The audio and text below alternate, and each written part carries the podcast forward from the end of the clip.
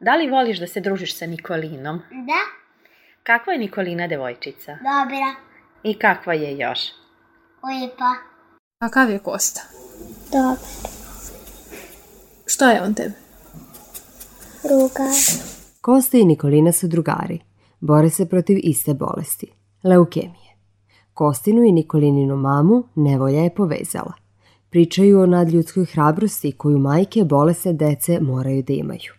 Ja sam Jasmina Dabić, ovo je opšta praksa. Onda je bio mali kada se prvi put leukemija desila, imao je dve i po godine, nije imao svest o tome šta je to biti u bolnici. Mama Mirjana se nije odvajala od sina Koste tokom bolničkog lečenja.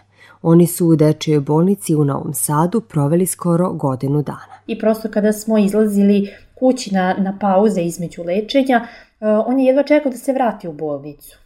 Jer je ovde imao drugare sa kojima se igra, a kad odemo kod kuće, to je moralo da bude izolacija, ne smemo da se da idemo po igraonicama i sa društvom da se, da se igra. Tu u bolnici se Kosta igrao sa Nikolinom, nešto mlađom devojčicom od njega koja se lečila od iste bolesti. Naš najveći problem su bili niski trombociti. Ovaj, I nekako sam mislila da, da će kod nje biti samo trombocitopenije. Ovo je Marijana, Nikolinina mama. U tom uverenju sam i bila nekih nedelju dana dok nije stigao konačni nalaz kosne srži. Akutna leukemija. Akutna znači da bolest napreduje brzo. Tada sam bila u, u ogromnom šoku. O toj bolesti sam jako malo znala. Nakon prvog razgovora sa lekarima, roditelji su u neverici. Ovde je taj razgovor izgledao tako što su tu bili i psiholozi i oba roditelja i više doktora, ali opet pola toga se stvarno ne sećam šta su rekli. To je česta reakcija roditelja nakon što im se kaže dijagnoza. Zato se sa roditeljima o svemu razgovara ponovo sutradan, kaže bolnička psihološkinja Tanja Kisić. To je prva teška stvar sa kojom se roditelj su- suočava i vrlo često kada pričamo sa njima oni kažu sve počinje u stvari od tog dana. Način na koji je to sve saopšteno veoma puno utiče na kasniji neki tok i njihovo, kvalitet njihovog prihvatanja cele situacije. Nikolinine mami je teško da prihvati situaciju. Imali smo još jedan dodatni faktor. Ja sam bila trudna u trenutku, čekala sam drugo dete. Zato ona ne može da bude sa čerkom u bolnici. Bila je baba sa njom u bolnici, dok ovaj, ja nisam ušla u neki treći mesec kada se plod formira. Od tog trenutka sam nastavila s njom terapije. Nikolinino bolničko lečenje trajalo je koliko i trudnoća. Devet meseci. Kada se njen brat Bogdan rodio, ona je bila na kraju terapije. Brat je stigao par dana ovaj, pre nje kući. Bili su to radosni dani za porodicu Gutić. Konačno su svi bili kod kuće. Cijelih godinu dana je bila dobro, ovaj, da bi u oktobru ove godine se ponovo javili neki slični simptomi kao pre tri godine. U isto vreme, simptomi se javljaju i kosti, prepoznaje mama Mirjana Petković. Kad smo izašli iz bolnice, uvek je postojalo ono šta ako se vrati. Ali ja sam nalazila milion razloga da ja verujem da se to neće desiti. Kosti i Nikolini se desilo. Istovremeno. Ti recidivi nisu uopšte česta stvar ovde, ovaj, uopšte. Njih dvoje koji su prošli prvi krug lečenja istovremeno, koji su nastavili druženje jeli, kroz rehabilitaciju u Ivanjici, ovaj, su se opet sreli ovde. Stvarno je neverovatno.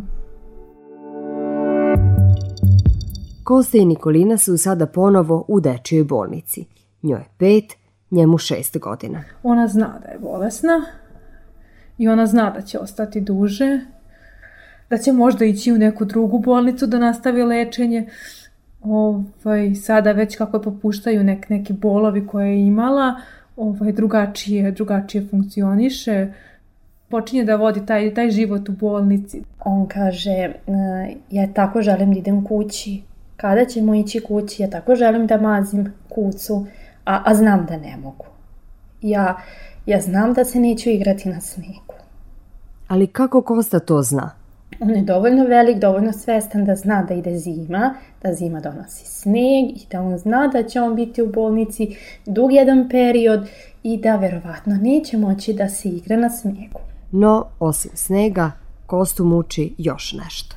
Legli smo da spavamo i pitao me je, kaže, mama, ja se nečega bojim jako, ali ne smijem ti kažem čega. Neko kaže, je slobodno, kaže majkici, rekao, majkica je tu, majka će ti sve reći, kaže, ja se bojim da ne završim na nebu. A ja kažem, dušo, pa, pa, pa odakle ti to, zašto bi ti završio na nebu? Kaže, pa bolestan sam, šta ako ne ozdravim? Ja kažem, pa zato i idem u Italiju da ozdraviš. Kosta ide u bolnicu St. Orsola u Bolonji. Tamo ga očekuje transplantacija koštane srži, kaže Joland Korora iz Nurdora.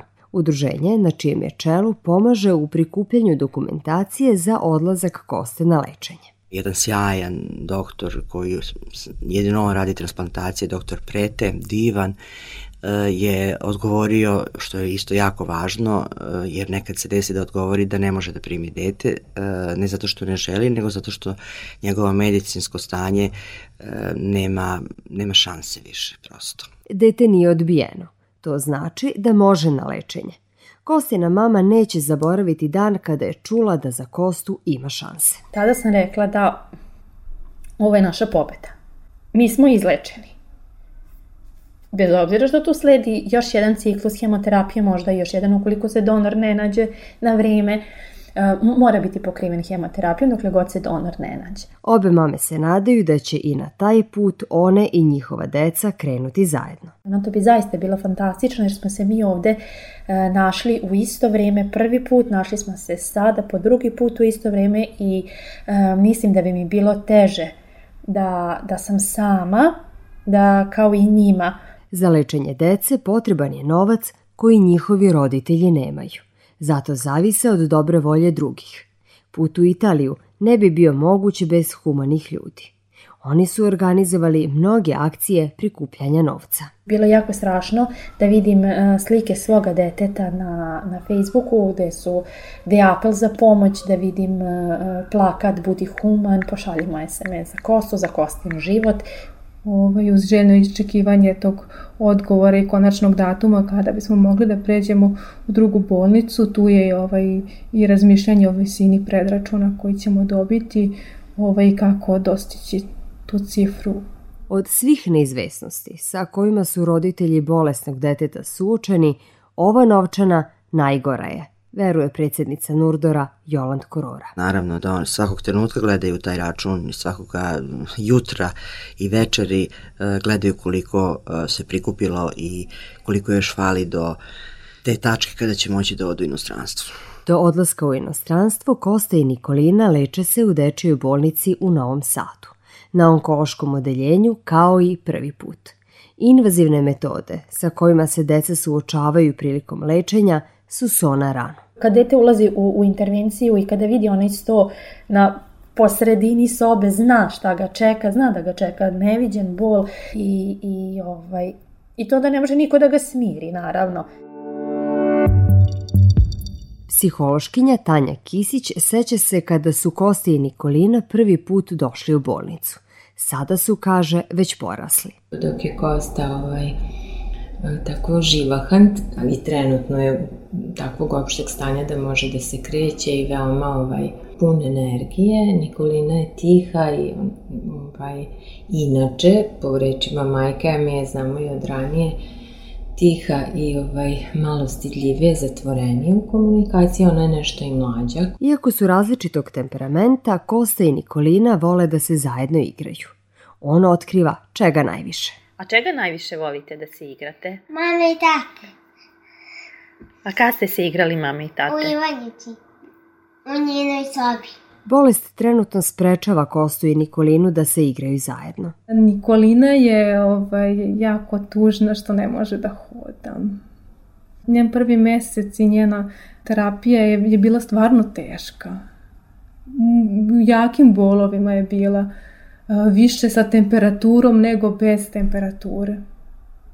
Tek nekih sad zadnjih dana vraćaju se želja i za druženjem. Pošto oboje primaju hemoterapiju, njihovi leukociti su gotovo na nuli i podložni su infekcijama.